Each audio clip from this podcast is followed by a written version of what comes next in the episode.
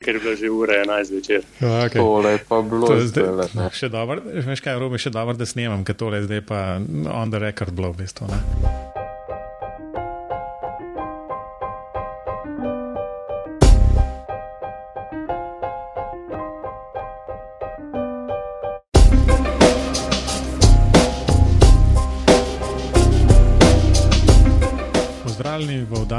Podcasta Bim Pogovori, v kateri se z gosti sproščeno pogovarjamo o informacijskem modeliranju zgradb in informacijsko-komunikacijskih tehnologijah v gradbeništvu. V oddaji bomo govorili o uporabi BIM-a v Trimu, vzrokih, zakaj so se za tak korak odločili, njihovih izkušnjah z razvojem in uporabo BIM knjižnic in seveda pridobljenih izkušnjah na velikih projektih. Z vami sva Robert in Mateoš. Pozdravljen, Robi. Zdravo. Zdravo, no, tokrat gostiva Mitja Vovko iz podjetja Trimo. Pozdravljen, Mitja. Pozdravljena oba. Mitja, lahko v parih stavkih najprej poveš nekaj o sebi. Ja, z veseljem. Uh, sem Mitja Vovko, trenutno se oglašam iz uh, sejne sobe tehnične podpore Trimo. Um, drugače, izvorno sem iz novega mesta, bil pa sem nekaj časa tudi uh, Ljubljančan, nekaj časa sem bil eno kratko obdobje Anglež, uh, zdaj pa sem zadnje tri leta Trebanjec. Uh, seveda pod vplivom Trima. Ne ker je tukaj moje delovno mesto, mi mislim, da letos bo že kar deset let. Um, v prostem času grem rad na kakšno arhitekturno razstavo. Ne me vpraša, če sem bil na Bienalu v Benetkah, ker mi ni uspelo. Um, je bil izlet odpovedan zaradi premajhne udeležbe, uh, tako da sem kar mal slabe vole. Uh, pogledam kak film, drugače pa zelo rad potujem s svojo družino. Uh, drugače po izobrazbi, osnovni sem arhitekt, kot sem že rekel, deset let sem že v Trimu, od leta 2006. Uh, takrat sem začel uh, svoje, pr, moje prvo delovno mesto, je bilo v razvojnem oddelku, ki je bilo takrat svoje čase zelo, zelo močno. Tam nekje 50-60 ljudi je bilo takrat zaposlenih, smo imeli ogromno bazičnih raziskav, ogromno zanimivih projektov, ne mogoče tudi izven uh, prodajnega portfelja Trima. Um, bil sem vodja razvojne naloge. No, potem, po petih letih, sem pa nadaljeval kot področni vodja v prodaji, zdaj sem pa v tehnični podpori kot svetovalec za produkte Kubis, Kubiser, Kubis One in pa Artmi.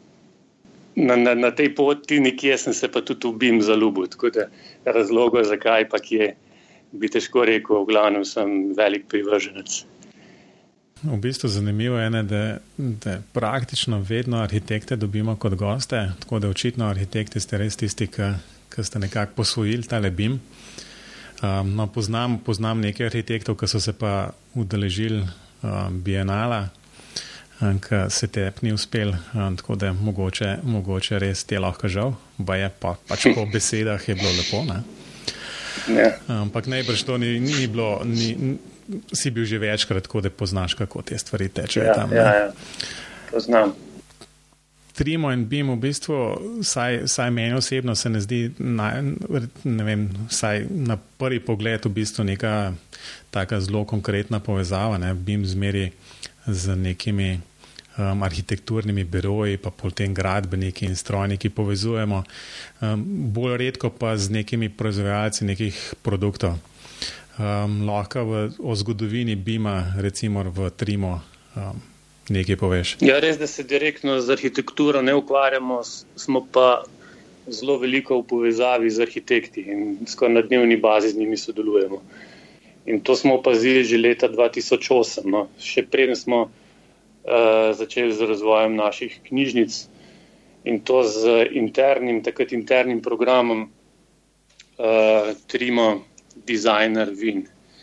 To je bil takrat poizkus znotraj razvoja, je bila ena tako zelo zanimiva razvojna naloga, da bi razvili softver, ki bi hkrati arhitektu omogočil enostavno risanje, usporedno popis uh, ter neke hitre vizualizacije. Ne. To smo takrat naredili s podjetjem CGS uh, na platformi uh, Lumiona.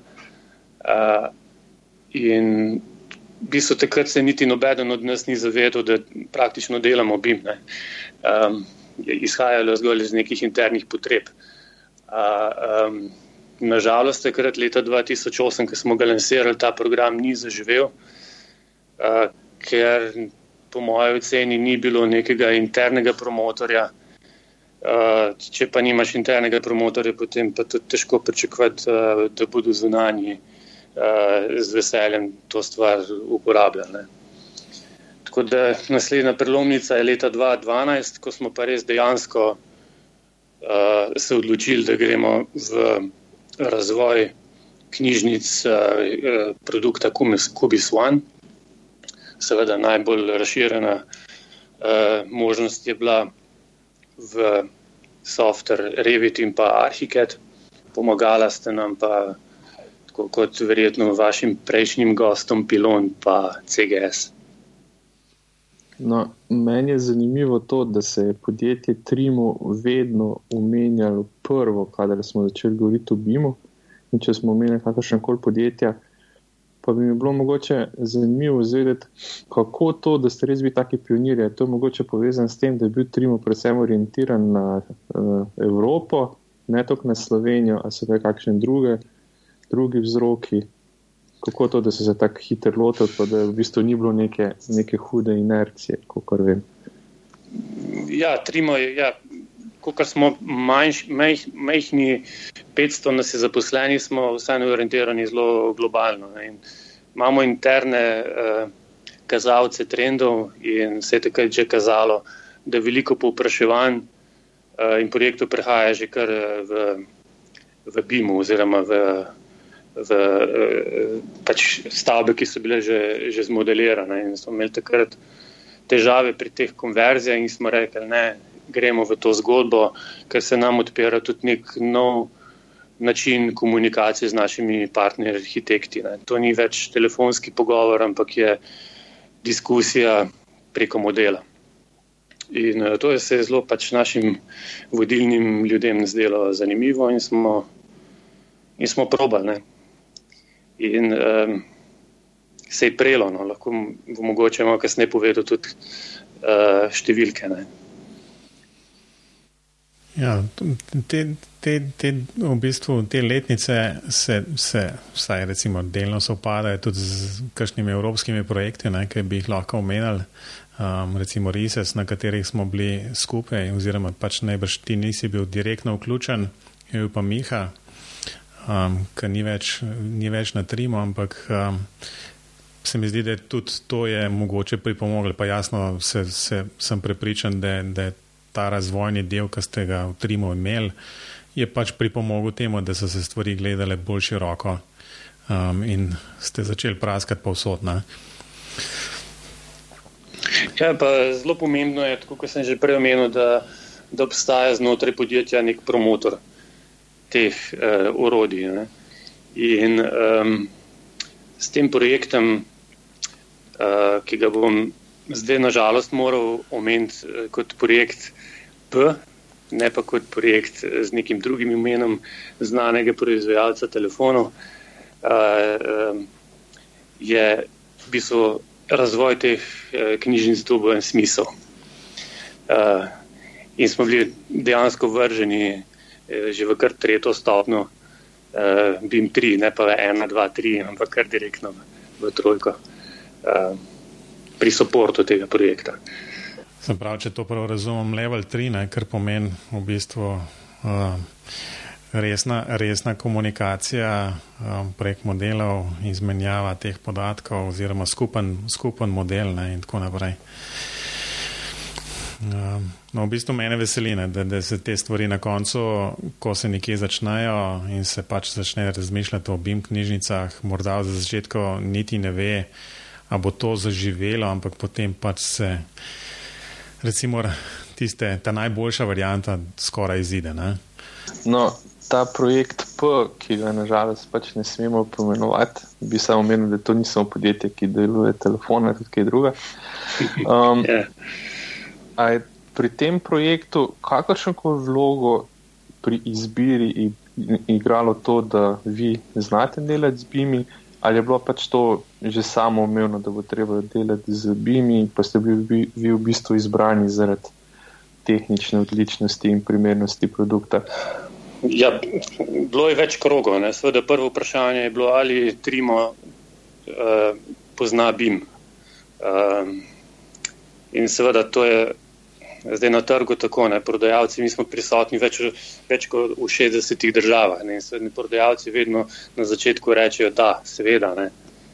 obvladamo. Ne? Ampak, če sem čisto iskren, v tistem obdobju uh, praktično nismo obvladali. Nismo, uh, znali tako podrobnih uh, modelov izdelati, kot jih znamo zdaj, pa tudi tako hitro. Ker vseeno ta zagonska energija je potrebna pri vsaki stvari, tukaj pri tem ubijemo pa mogoče še bolj. Ne. Uh, da se usvoji tisto znanje manipulativno, da, se, da, da te translatorji delujejo na pravi način, tega takrat pač ni bilo.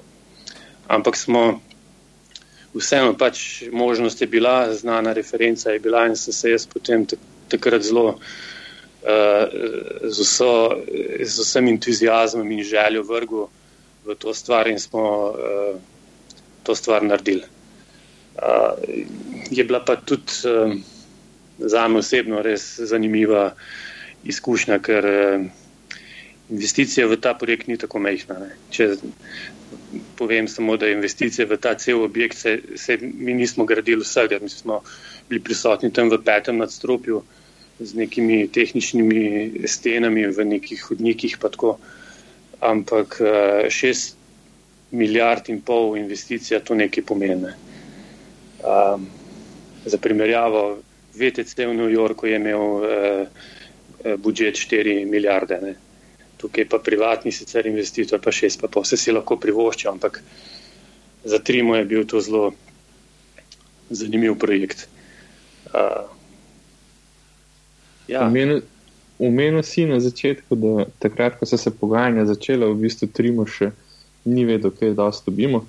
Um, ampak, a zdaj, a zdaj veste, da ste zdaj obvladate, bi, bi ga zdaj lahko integrirali v svoj, delov, svoj delovni delotok brez nekih posebnih težav, ali vam še mogoče vsem kaj manjka? Ja, zavedanje znotraj podjetja je sigurno večje kot tudi takrat. Vsi poznajo to tematiko ampak uh, cilj bi bil, da, da se pač te, to, to urodje uporablja v, več kot samo v tehnični podpori ali pa v prodaji. Trenutno 100% uporabljamo um, arhiketi naše knjižnice v tehnični podpori uh, v sodelovanju z um, prodajnim inženiringom. Se pa tudi dogovarjamo, da bi našo projektivo preusmerili v projektiranje v treh dimenzijah, ne pa več 2D. Uh, kar je pa mogoče še večji napor kot pa tisti napor, ki sem ga jaz uložil na začetku. Če, če lahko malo skočim, ker to, to sem en, v bistvu, mislim, dobro, jaz sem bil presenečen v robi, ker si vprašal, ali, ali zdaj to znajo delati.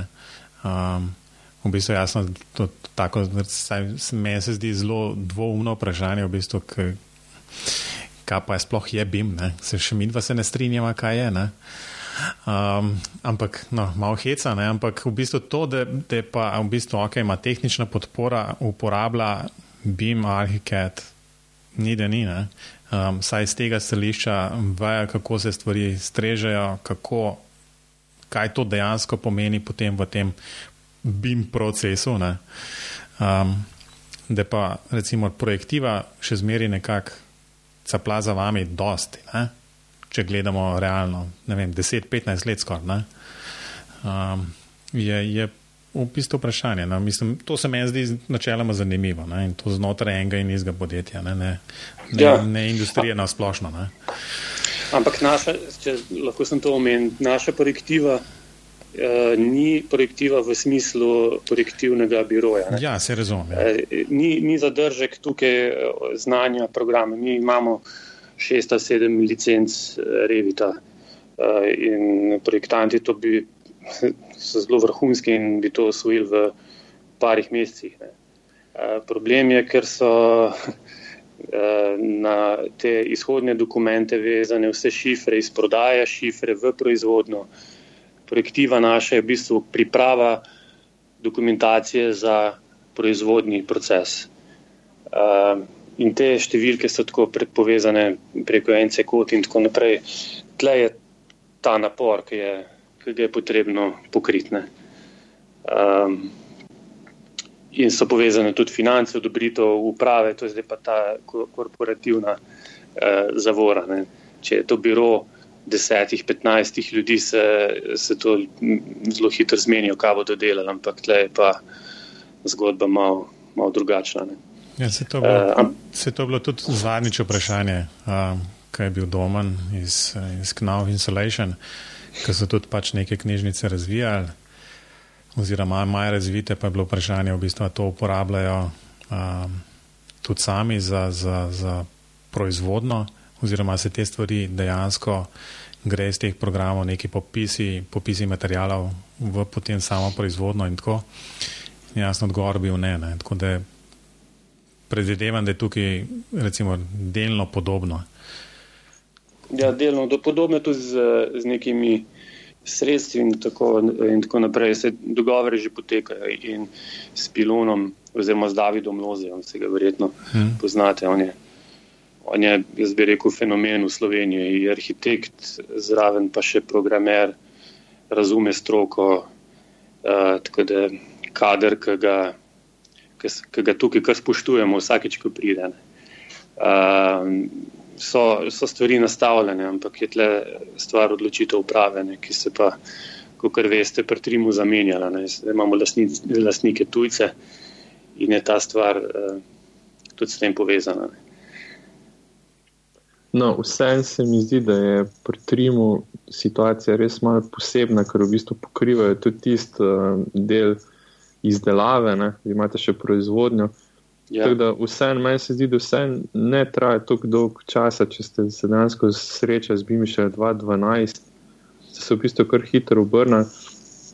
Če smo pa že glih omenili uh, to izdelavo vaših knjižnic, pa, pa uh, avtorja vaše knjižnice, vem, da sem bil na par predstavitvah, ker je ukazal kot te BIM knjižnice, ki ste jih pripravili v sodelovanju z njim, kot ene najbolj naprednih. Uh, in če se ne motim, no, tudi omenil, da se že razvijajo neke razširitve, da bi lahko se te kode potem dejansko prenašajo naprej v proizvodnjo, samodejno in to. Tako da mislim, da, da ste kar na dobri poti. Vem pa tudi to, da je omenil pri teh knjižnicah, da ima ogromno težav s tem, ker je pripravljal knjižnice za Arhiket in Arhiket omogoča veliko več kot recimo Revit. Uh, nekaj takega, ja. da so tudi s tem neki problemi in a to ste že rešili mogoče ali ne? Ja, to je pa, bi, bi rekel, uh, narava uh, user interface oziroma delovnega okolja samega posameznika oziroma arhikeda in pa Revita. Ne. Revit, to je zdaj večna debata, kater program je najbolj idealen za koga.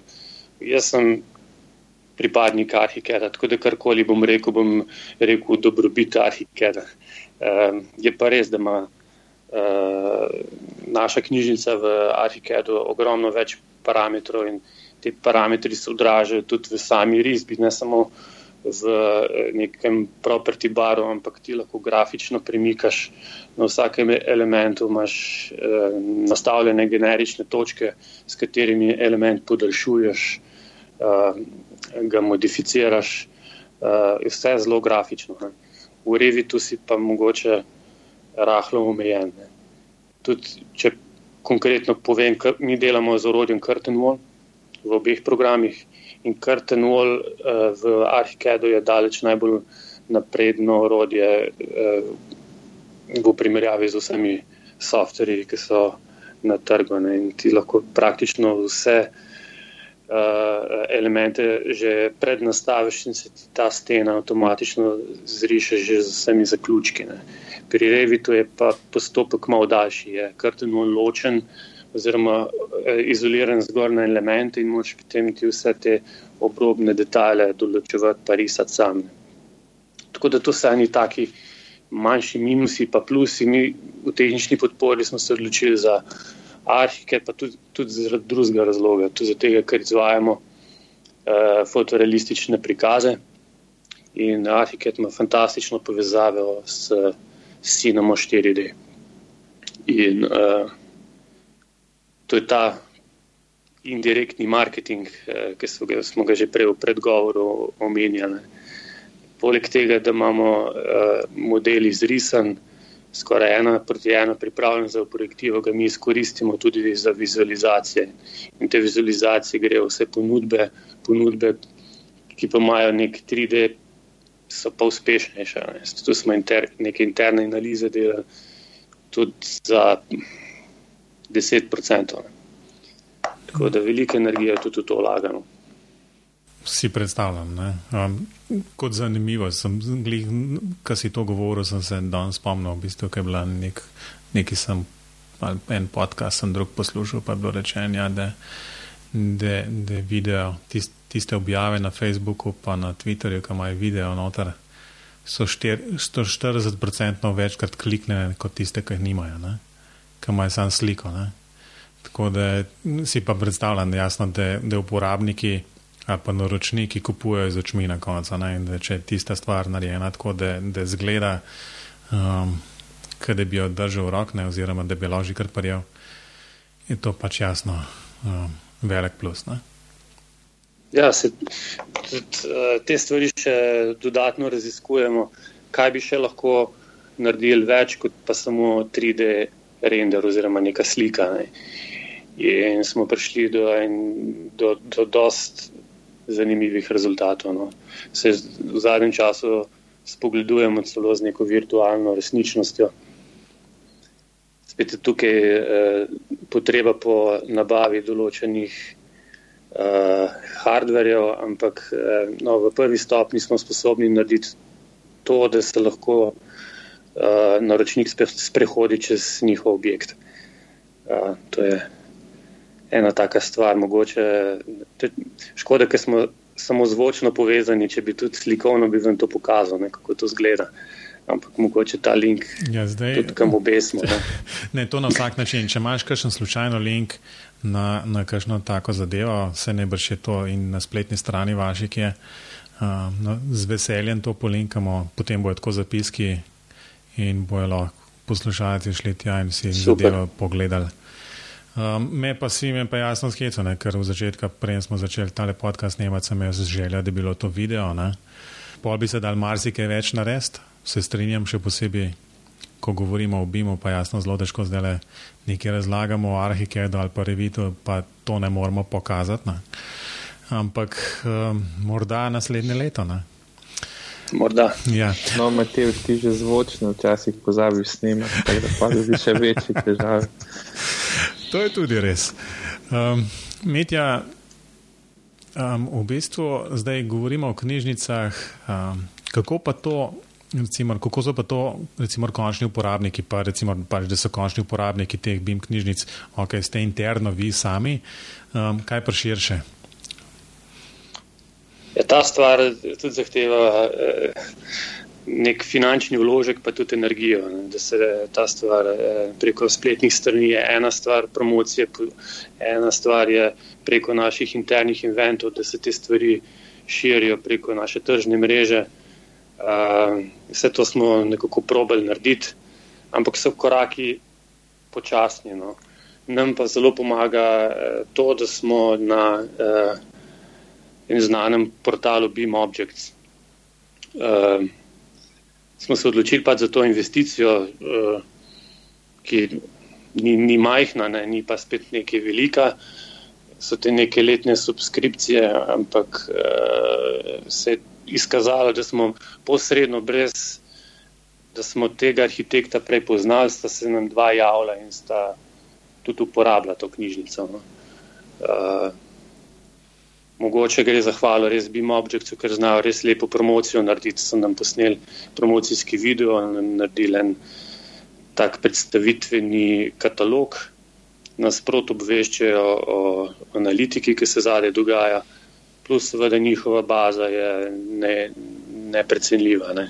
Za vsako novo objavo oni vse svoje uh, uporabnike obveščajo, ne? Če si pač ta uporabnik ta, to stvar ne zablokira. Ampak res zanimivo je to, da smo dobili dva posla, ne da bi vedeli za arhitekta in arhitekt je te knjižnice uporabil in jih potem tudi uporabil tam do PZI dokumentacije.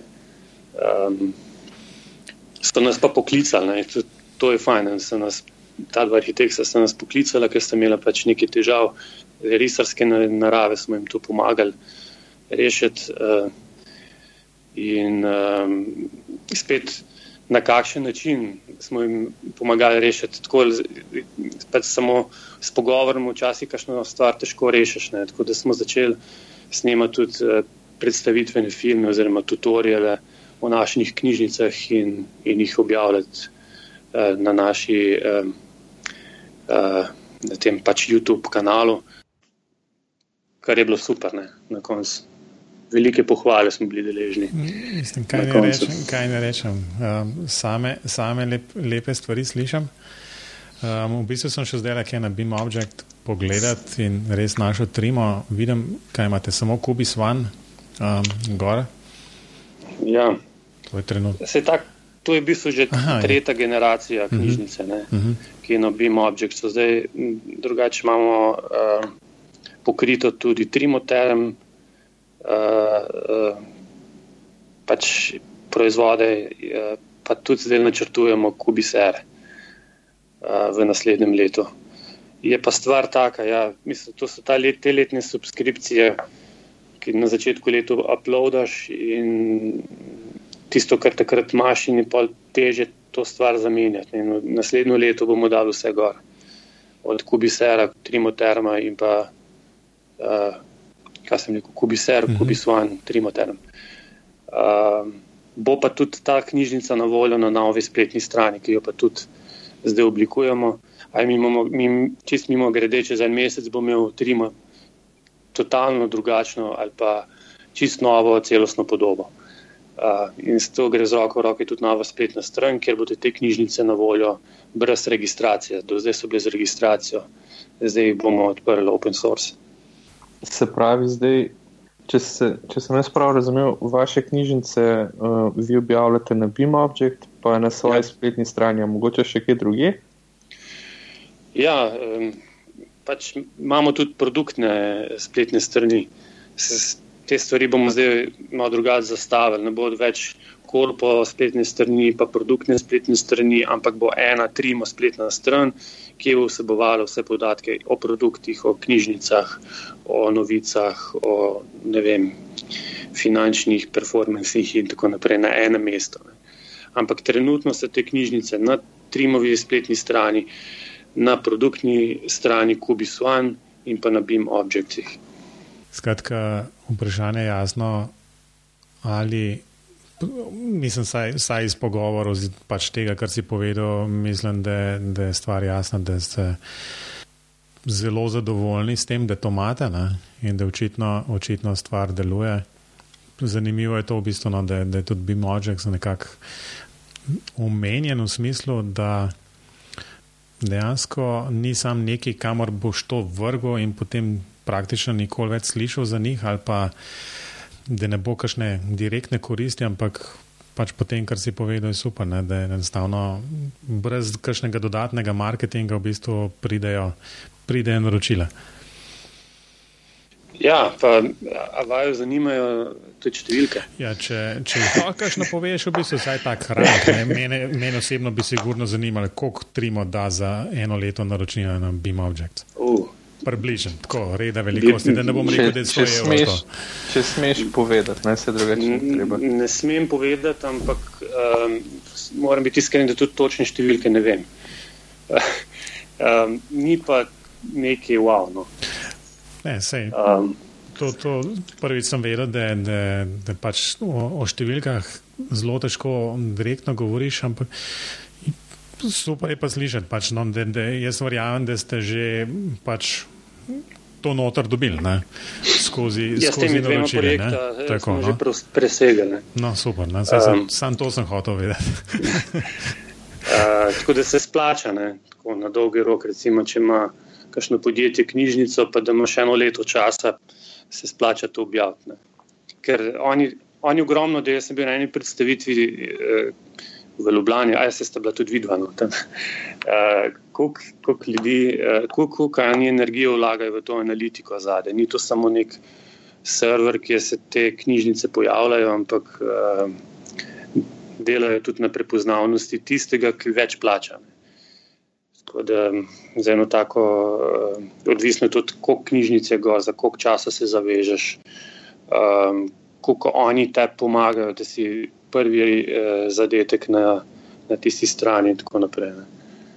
Um, ampak no, mi smo še eno srednjo varianto in, in nam je uspelo zdaj v enem letu doseči 2500 downloadov, uh, pa nekaj čez 10 tisoč ogledov.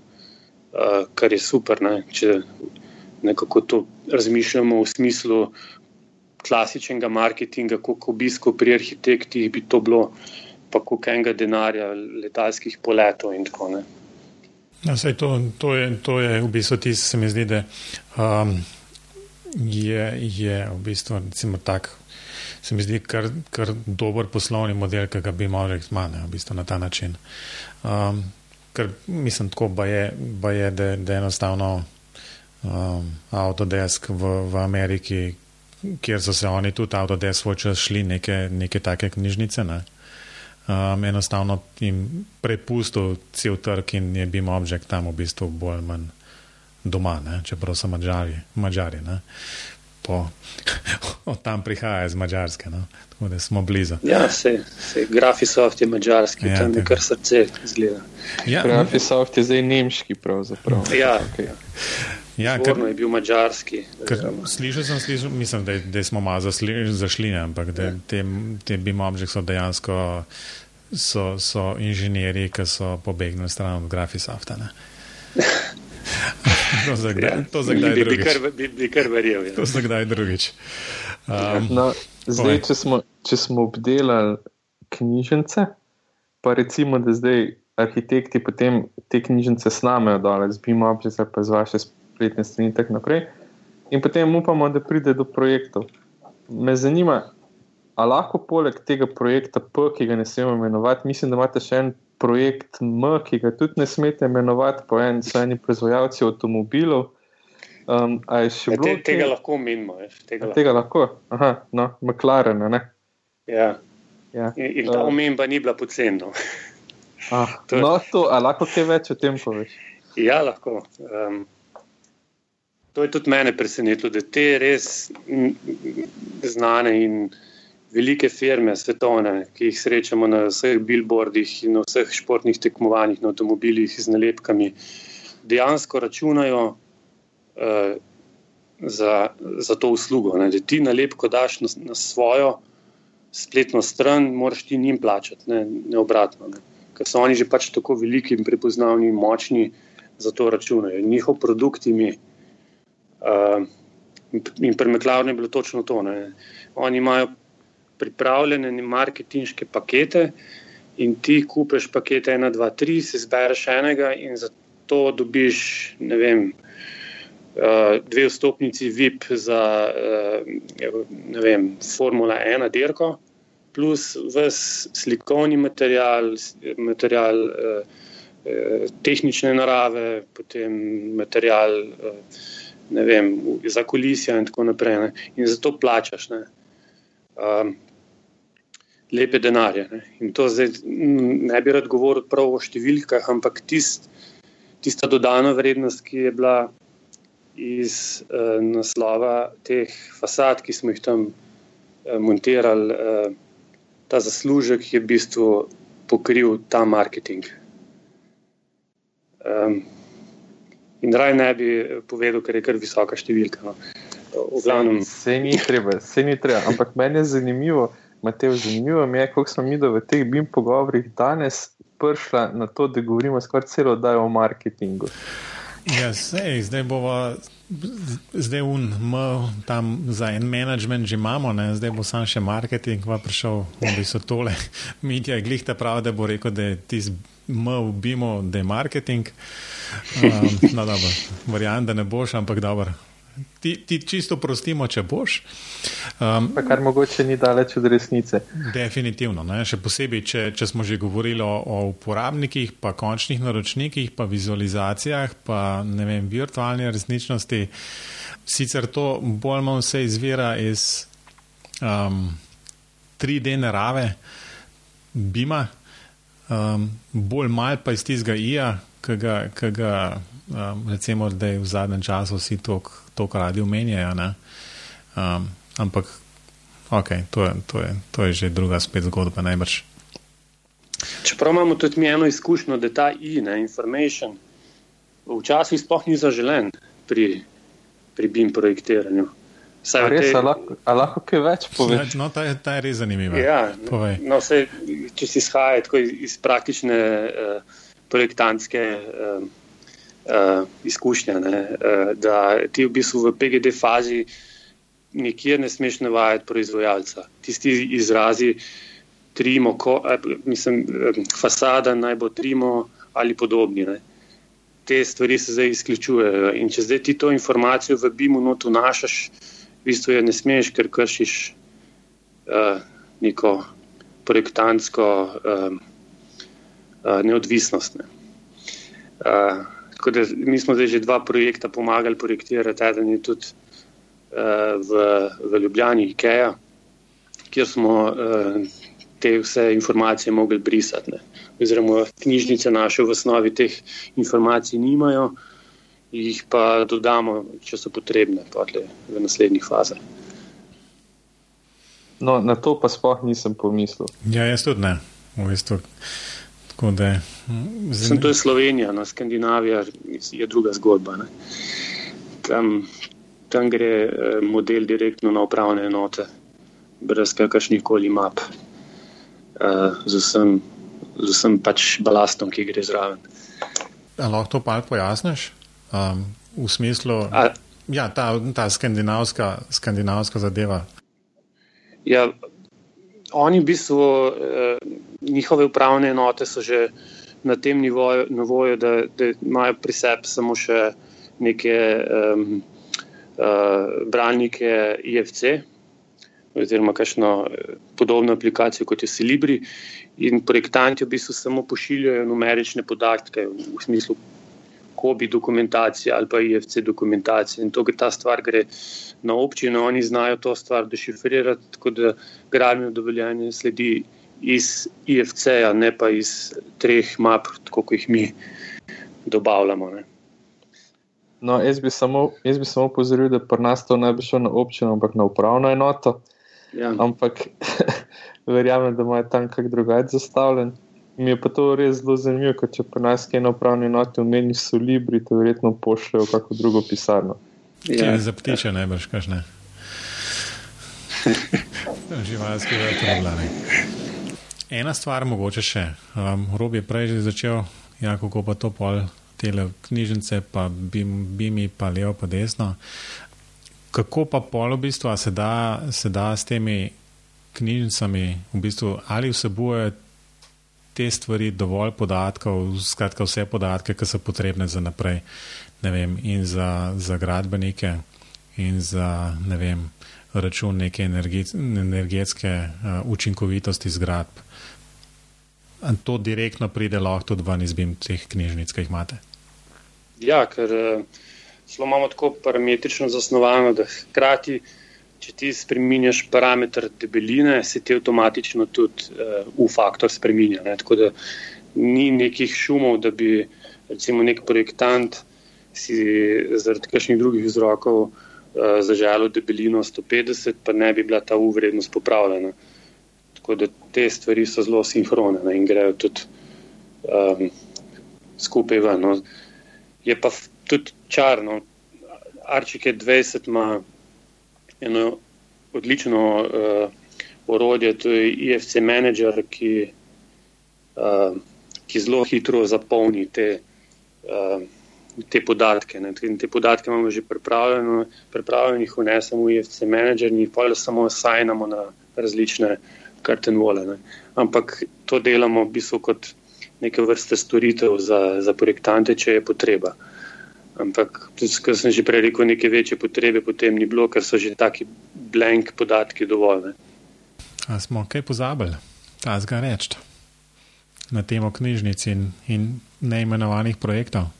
V bistvu, mogoče, mogoče samo s temi, s temi ta velikimi projekti. No. V bistvu si omenil level, level 3 um, BIM, um, izmenjava podatkov, kaj to pol to dejansko pomeni. Um, IFC je levo, desno, um, preklopiti se na neko bazo, pa tja noter unesti stvari, oziroma jih prenesti iz Arhikeda ali kaj podobnega.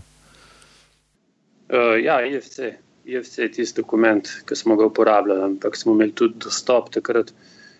Generalni izvajalec je bil takrat, um, uh, kaj je že bil, CMF Skanska in oni so uporabljali uh, Navisworks. Uh, sodelovali smo pa z njihovim uh, BIM menedžerjem, tako da nam je on dodelil pravice v njihovo bazo, smo te IFC-je plasirali in pol, njegova naloga je bila, da, smo, da jih je uploadil vsak, vsak teden ob četrtkih, so imeli sestanke, da so te stvari pregledovali. Mi smo pa pač mogli te modele pripraviti na tak način, da so bili uh, na, na eni pravilni globalni višini, pravilno orientirani, da jim je potli pač v navisu ta stvar vedno na, na isto mesto padla, ne, z vsemi popravki. Uh, tako da um, ta BIM menedžer je kar prihodnost. Bi se rekel, v Sloveniji jih, jih ni, ali pa so zelo redki, v Ameriki so pa zelo spoštovani in dobro plačani.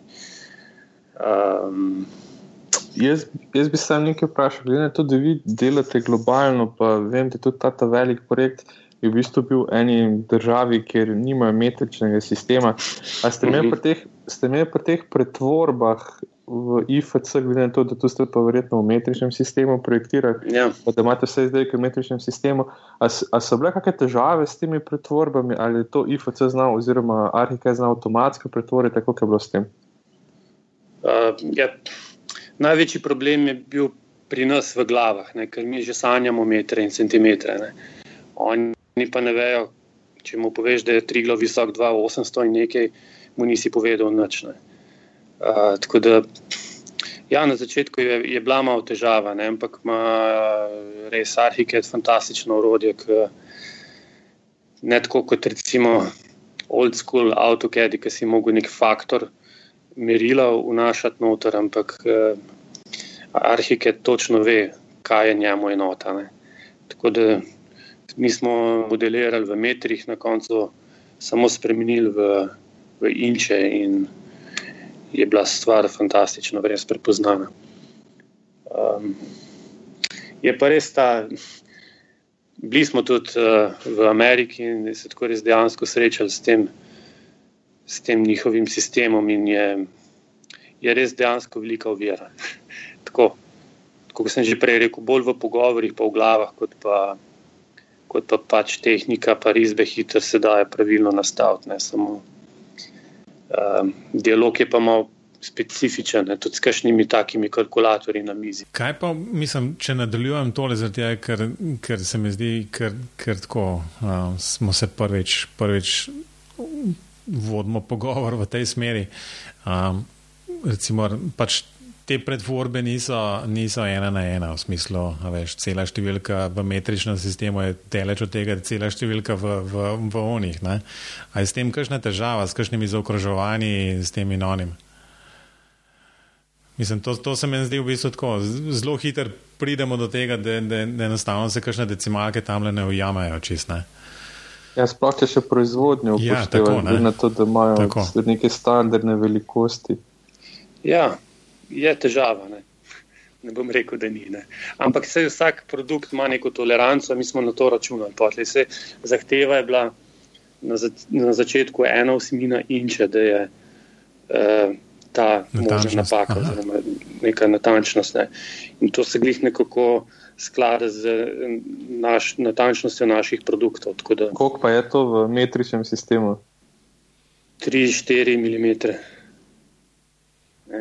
No, ker meni to neč ne pove, eno smina inče. Ja, inče kot 2,54.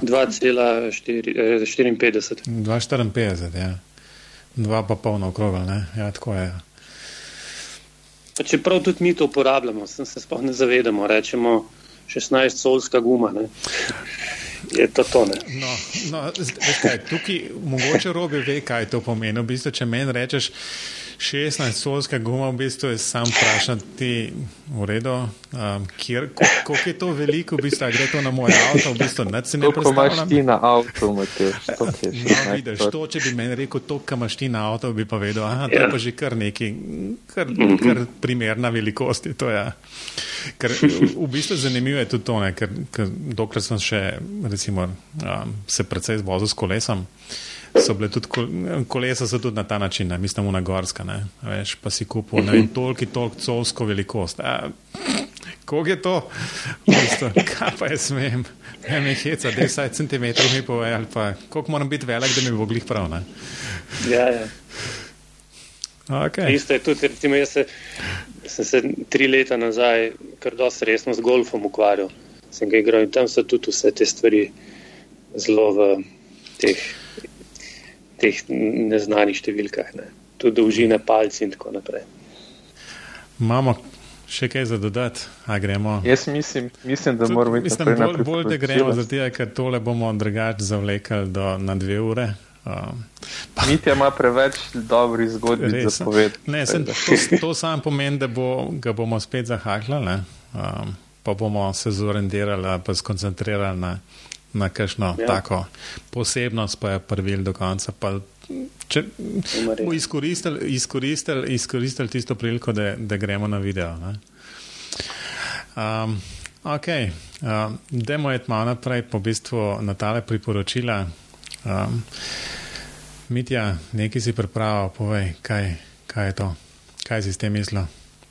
Ja, pač hotel sem v bistvu najaviti. No tisto, kar sem že prej omenil v smislu teh tutorialov, ki jih pripravljamo za naše stranke, arhitekte. Tako da, da dejte si, oziroma vsi poslušalci, pejte pogledati, pa če vam kaj.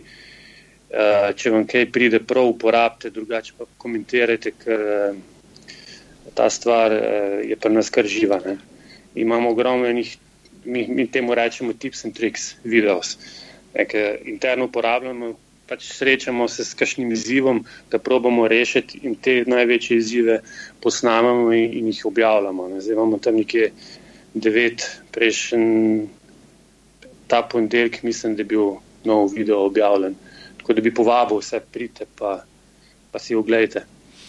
Um, uh, kako imate to, to, to link na YouTubu, oziroma se bomo dali tako, tako noter v, v zapiske? Ja.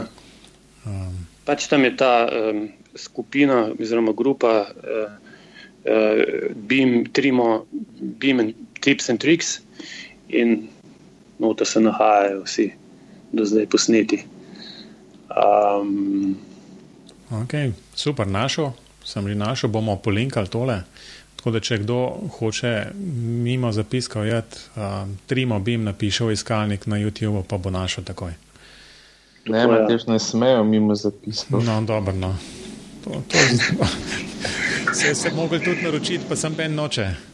Kaj je zdaj to? Ja. Uh, no.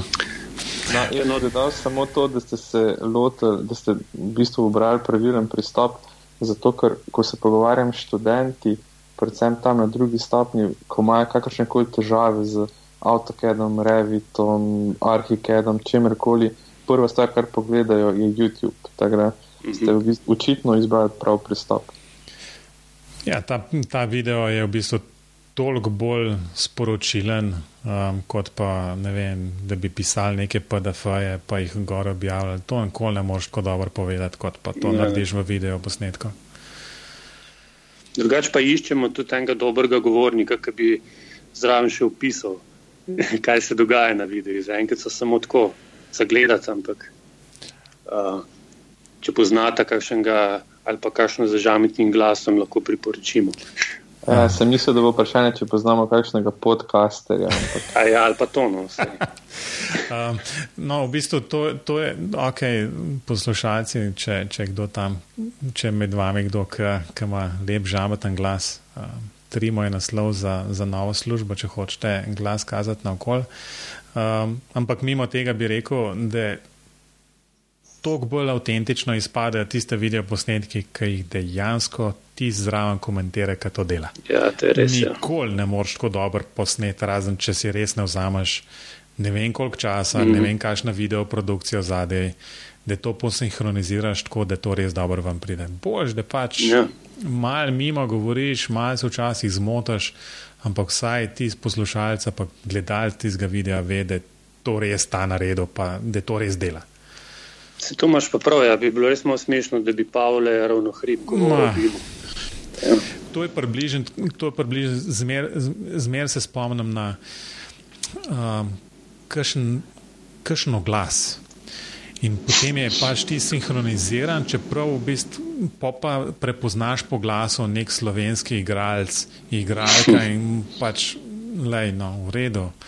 Um, tudi, če ste se tako odločili, no, ampak takoj me odvrne od, od nakupa tazga izdelka. Ne? ja, to je res. Tako da bomo rekli še enega podcasterja. V potonu tazga, ki zna uporabljati um, Ja, ja, raket ja. prvi vid. Ne? Tako, tako. In ki, ki vedno prižge rekord. Nič, Robi, povej, kaj imaš ti? Uh, moje priporočilo za tokratno oddajo je pa en prispevek in sicer IFC is much more than a simple file format. Z drugimi besedami, prispevek govori o formatu IFC in če morda ne veste nič o njem, ali pa tudi če že veste kaj o njem, priporočam branje, ker je en tak zelo lep pregled, kaj je mogoče, kaj se notri najde, pa morda kje so težave z IFC-jem. Tako da zelo, zelo priporočam branje. Povezava bo seveda v zapiskih. Hm, Hvala, Robi. No, zdaj, v nasprotju vsem tem, kar sem sicer predlagal ali pa priporočil, imam toke, torej danes res nekaj bimovskega in to je članek um, Žige Turka. Um, Žiga je bil gost v deseti oddaji, bim pogovorov, no ta članek je 10 questions concerning building information modeling. Um, skratka, dober članek, um, tipično požigovo napisan, odpira cel kup vprašanj, um, ki mislim, da vsi tisti, ki se z BIM-om ukvarjajo, bi bilo dobro, da se vsake dolg časa malo ustavijo, pa o BIM-u kot takem razmislijo. Tole je, mislim, da je primeren trenutek, da se pač o tem, skratka, preberejo članki in se zraven malo zamislijo nad uh, celotno zgodovino, tehnologijo in predvsem to, kaj, kaj v prihodnosti. Matejš, jaz bi samo upozoril na naslov tega članka, če ga lahko še enkrat prebereš, predvsem zadnjo besedo. Model, uh, ink, ah, modeling, ja, v redu. Sej, sej, sej to jaz vem, da, da je model. Um, no, gremo na hitro vprašanje. Um, Mitja, povej, bim programska oprema. Sicer sem že v, že v Ganu, ampak dobro, te moram vprašati. Arhiket. Arhiket. Arhiket, osebno uporabljam Arhiket dnevno. Um, drugače imamo pa, če malo širše povem, v podjetju tudi uh, Revit za podporo Revit uporabnikom, potem imamo Teklo za preračun statike Jekla. No. Ja, sej, ste, ste na takem področju, oziroma ste nekje vmes um, v, v tem procesu, um, ker se jasno ne, ne da izogniti temu, da bi, oziroma, da bi se lahko vi odločili samostojno, okay, mi bomo pa sam tega Ja. uporabljali, to pač ne gre. Ne. Tako in tako. Ja. Um, Robi, boš ti tega vprašal? Mitja, povej, a ti razumeš BIM kot model ali bolj kot proces? Um, bolj tudi kot proces. ja, se del, marketing je tudi del procesa, tako da moram reči proces. U, Matejš, Spet, si slišal? spet sem zgubil, ja, v redu. Se bom zdaj še dobro, da sem si nekaj za jesti kupil prej, v bistvu, ker se moram malo potalažiti. Eno čokolado sem si prvošel in sem, mi je cukor zdaj leče izpadel. Um, open Beam, na koncu vprašanje še v bistvu ta Open Beam. Um, kako je zdaj s tem, se splača, ne splača. Mislim, po odgovoru prej, mislim, da stvar sploh ni vprašanje. Ne? Ja, jaz bi rekel, da se splača, seveda, ker je to za nas nov način komuniciranja. Smo se hoteli, je tudi težava, splošno mislim, da v vseh podjetjih je, je komuniciranje, pa ne eno zven, tudi znotraj. Tako da je to eno fantastično urodje, ki pove več kot pa telefonski pogovor, oziroma v kombinaciji s telefonskim pogovorom je to zmaga. Um, tako da osebno jaz podpiram. Pa predvidevam, da, da v bistvu se tudi stvari, ki morda so v začetku problem, se jih načeloma da rešiti tudi v okviru um, recimo tega nekih standardov um, stand, uporabe standardnih zapisov. Ja, je pa tudi resno.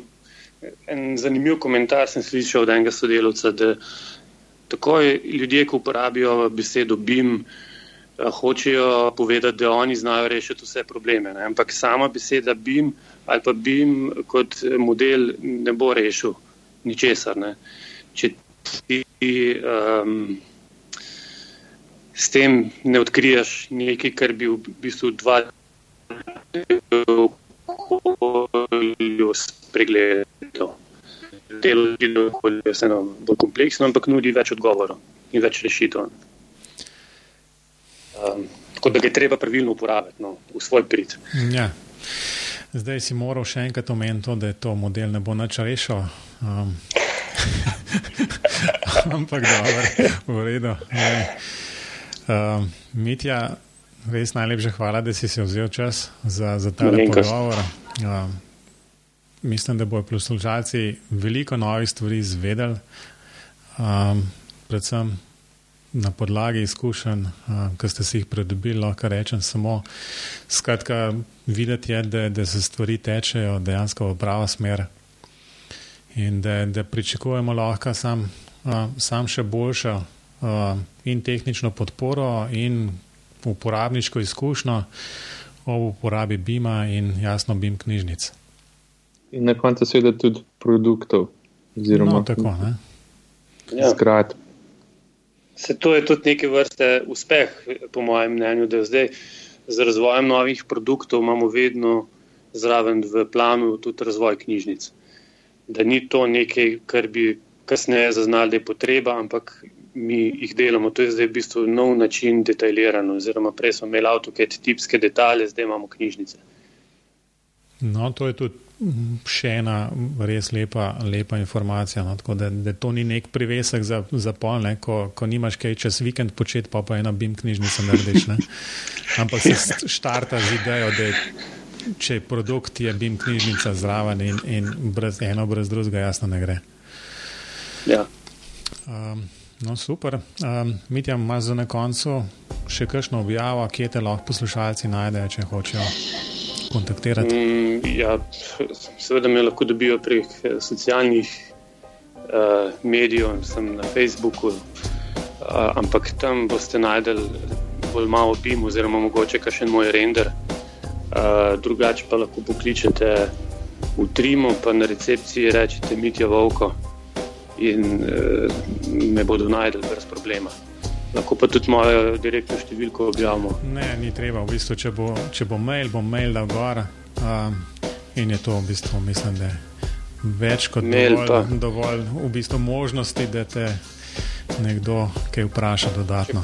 Če, če pa koga še kaj o tem renderiranju, pa virtualni realnosti eh, zanima, lahko pa tudi moja spletna stran osebno pogleda uh, je pa mitja arhitektura EU. Mitja arhitektura EU, super, bomo dali to vse um, v, v zapiske, um, robi, Velja. še ti. Jaz bi samo pozdravil, da se stran odpre, samo če napišete www.mitjarhitektura.eu. Ampak se ja. odpre. se odpre. Um, moji kontaktni so še vedno isti, na Twitterju sem Robert Klinc um, mail je robert.net, če kdo karkoli bi me želel poprašati, naj se oglasi. Pa ti, Mateoš? No, um, mene poslušalce še vedno najlažje dobijo, ker na Mateoš Dolence tam bo našel vse povezave in na Facebook in Twitter tudi. Um, sicer so pa bim pogovori še vedno na spletu, Facebooku in Twitterju, um, posod bim pogovori.